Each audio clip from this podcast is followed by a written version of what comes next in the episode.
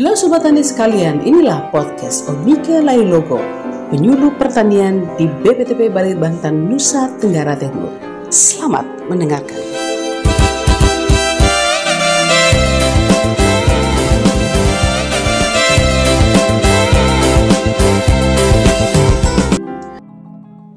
Halo Sobat Tani sekalian, salam jumpa kembali dengan uh, kami khususnya saya dan Ibu Devi ya di podcast saya Oni Logo berbagi uh, dan saat ini kami akan berbincang-bincang sedikit atau membagi uh, informasi mengenai Lamtoro Taramba tapi khususnya pada pagi hari ini kita akan sedikit uh, meng mengulas tentang sembilan kelebihan dari atau keunggulan dari Lamtoro Taramba ini uh, untuk dijadikan sebagai pakan yang berkualitas bagi ternak ruminansi uh, itu bisa di NTT ataupun di tempat-tempat yang lain yang bisa memanfaatkannya. Nah, di bersama saya sudah ada Ibu Insinyur Deborah Kanha UMSI. Selamat pagi Ibu Debi.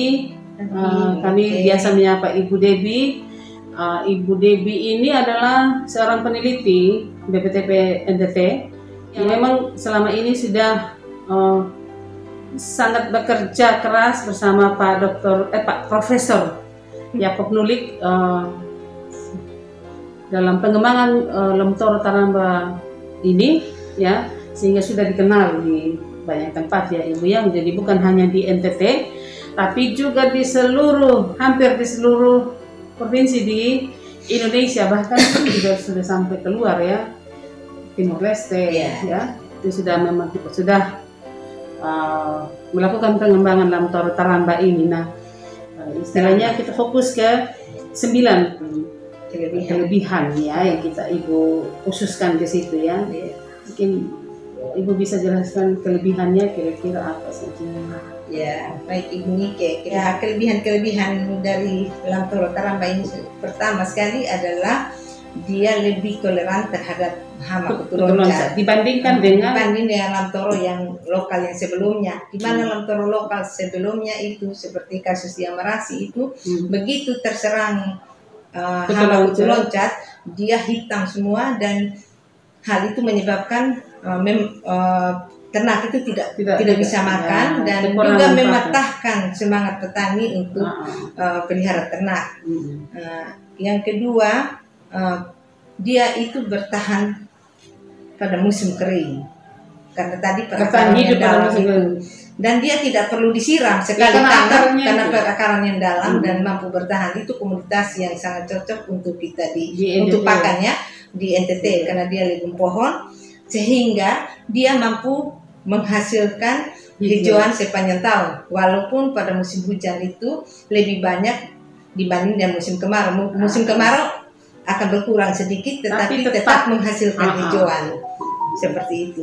Dia lebih banyak dari yang dalam toro yang lain ya kan hijauan iya. yang dihasilkan toh iya lebih lebih banyak mampu menghasilkan mampu. hijauan hijauan sepanjang tahun sepanjang walaupun tahun. pada musim kemarau itu hmm. produksi hijauannya agak sedikit uh, berkurang hmm. tapi kalau di lokasi-lokasi yang memang tidak ada air seperti di Camplong dua itu yang tanah berbatu-batu itu. Hmm. tapi dia masih survive sampai sepanjang tahun itu ada musim kemarau itu masih dapat gitu.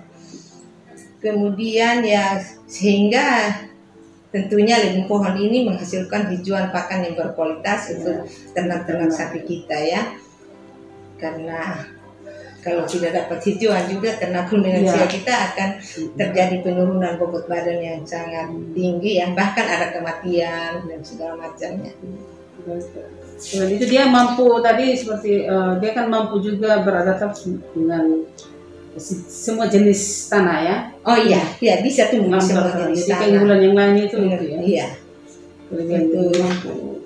Hmm. Ya itu juga sebagai pakan ternak gembala kalau kita oh, tanam di sana di tempat di gembala tapi memang pada awal kita tanam itu tidak bisa kita langsung masukkan ternak di situ tunggu sampai dia sudah uh, setinggi satu meter hmm. kemudian dibiarkan ternak di situ merenggut sendiri itu bisa hmm. tapi memang harus dirotasi hmm. tidak bisa dibiarkan permanen di situ ternak karena ternak sapi kita kalau lapar kulit batang lamtoro Hmm. pun dia akan Iya, kikis dan menyebabkan tanaman itu mati.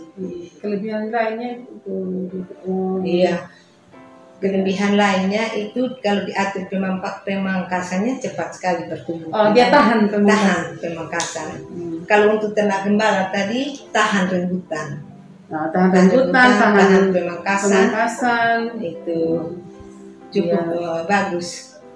Heeh. Kemudian dia juga apa? Oh, Selain dia menghasilkan hijauan, Hijauan. pakan ya untuk ternak sapi, kambing ataupun ternak babi bahkan bahkan itu bisa di ini. Tapi dia bisa juga sekarang menghasilkan uh, Benih. tambahan pendapatan dari benih-benih itu untuk petani-petani yang memang mem- memproduksi uh, benih lantoro teramba yang sekarang ini lagi lagi memang harganya cukup bagus untuk petani kita ya berkisar 50 sampai 65 ribu 60 65 ya. rupiah per kilogram. Per kilogram. Itu belum kalau untuk tempat yang jauh belum ongkos kirim kan? Eh itu tentunya ongkos kirim ditanggung oleh si pembeli Beli. Heeh. dan memang cukup mahal ya dan untuk saat ini kita uh, petani kita di sini kami uh, sudah mengeluarkan sekitar 15 Ton. ton Itu dari petani dari camplong campur dua. dari oebola dalam, dalam. kemudian Amarasi? beberapa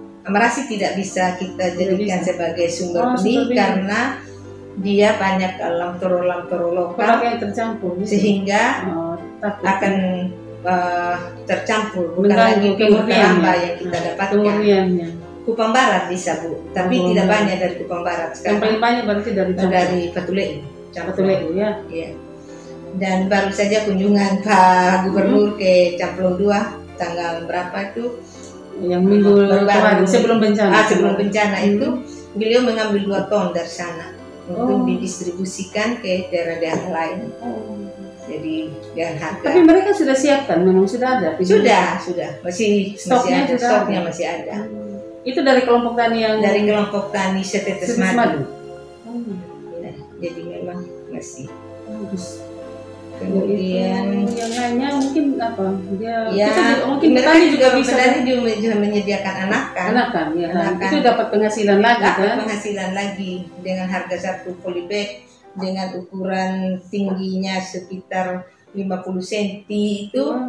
mereka sudah bisa mendapatkan 2000 sampai 2500 per Per polybag. polybag. Ya. Jadi ini sebagai tambahan pendapatan. Jadi manfaat dari Lamtoro Karamba ini ya cukup banyak sebenarnya. Untuk kayu-kayu yang lurus itu juga bisa dipakai se- Dipakai. sebagai apa tongkat rumah atau Hmm. apa namanya Pokoknya istilahnya. untuk bangunan, Bangunan, rumah, untuk untuk kandang, kandang-kandang, ah, ya, bisa ya. itu.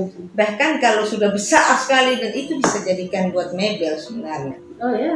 Tapi kita di NTT kan lebih fokus untuk uh, pakan Pakan, ternak untuk ya. daunnya. Karena, iya, daunnya. Ya, mas. Karena memang kondisi kita kering dan selalu terjadi kekurangan pakan. Sehingga itu yang diandalkan Iya. untuk uh, uh, peternak-peternak kita bisa memanfaatkan itu ya. Tapi uh, yang seperti yang lalu itu Ibu Dewi yang pengembangan khususnya di Kupang ini yang paling besar itu ada di, Di dua ya di Patuleu ya. Patuleu ya. Nah, di Cemplong dua. itu sudah berapa sudah ratus lima ya? ratusan hektar. 500 hektar ya.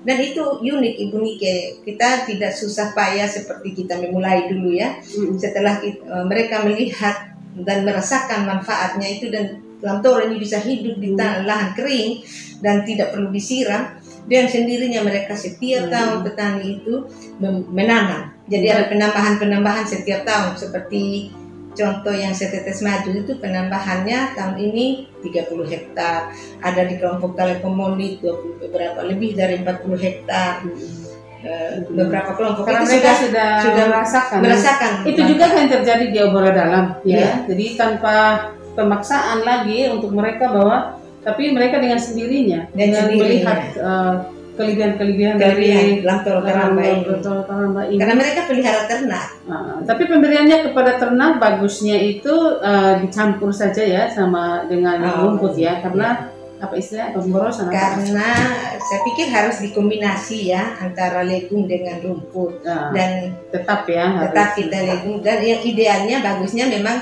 60% rumput, 40% legum. Lego. Tapi di tingkat petani sering Biasanya. kita menganjurkan ya 50-50% 50. untuk memudahkannya, Ah. memudahkan untuk aplikasi. Karena kalau dikasih ilam toro juga pemborosan ya. Nah, kalau dikasih lamtoro kan nilai nutrisinya cukup bagus, Hmm, terutama proteinnya itu bisa di atas 24%. Hmm. Sedangkan kebutuhan ternak sapi kita itu hanya 12 sampai 14 persen. Ah, Jadi, ya. Jadi merasa harus dikombin gitu. dikombinasi dengan Kombinasi. ah, rumput ini ya. Iya. Ah, mm-mm.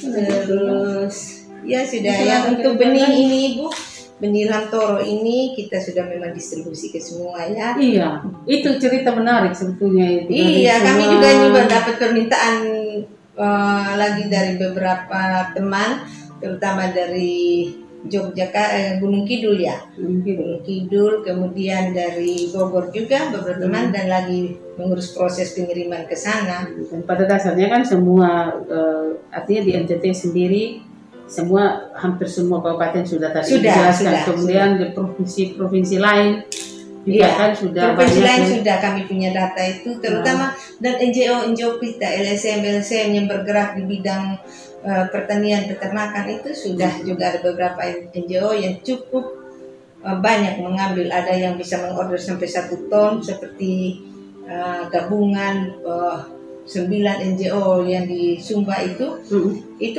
mereka mengambil satu ton Hmm. untuk di pengembangan di seluruh Sumba. belum lagi yang kecil-kecil seperti petani-petani yang datang ya Iya. secara perorangan Iya, ada secara iya. kelompok-kelompok tani kecil yang ada di Hmm. Kupang sini yang Iya. mereka ingin mengembangkan. Jadi memang uh, ya beruntungnya memang Ibu Dewi mencatat ya Ya, semua seperti pengeluaran apa uh, uh, apa penyebarnya penyebarannya itu pasti sudah ada tercatat sehingga Iya. betul-betul memang uh, kita tidak hanya bicara ya kan Iya, kita punya datanya. punya data bahwa memang Lamtoro Taramba ini sebetulnya memang sudah sangat-sangat menjadi ikon sebetulnya di Iya. Cuma sayangnya ya. Ibu Nike, memang saya mencatat semua, tetapi untuk mengetahui dan pasti berapa yang tumbuh di yang tempat-tempat yang jauh itu untuk luasannya eh, paling tidak lewat HP Lewat tinggalkan saja ya iya. lewat telepon karena setiap mereka datang membeli lamtoro teramba di buku itu saya sudah catat nama siapa rencana tanamnya di mana terus eh, nomor HP-nya Hmm. tapi ya kalau kita mau betul-betul memastikan berapa yang ini kita harus uh, lewat telepon karena kita tidak kehabisan anggaran sekarang untuk ke lokasi ke lokasi itu dan jauh juga dan cukup mahal ya di daerah-daerah itu ya tentunya ini kita siasati Dengan dengan telepon. uh, lewat telepon boleh saya tambahkan lagi Boleh silakan, Eh, silakan. selain legum kita kan bicara sekarang ini ya kita bicarakan sekarang Legum ini ada pohon. legum pohon Nah, Nah, ada satu jenis legum lagi yang namanya legum herba. Mungkin tidak pada kesempatan ini. Oh ya, tapi nanti di kami juga punya. Uh, pengalaman untuk pengembangan Iya. uh, legum herba ini. Dan nanti- nanti ternatea. Nah, mungkin untuk yang ini nanti kita sama-sama dengan Pak Profesor Yakub Nulik ya. Oke. Eh, ya, nanti Ibu Dewi sama Pak, Pak Prof akan kami hadirkan lagi dalam acara seperti ini supaya ini masih menyangkut legum pohon.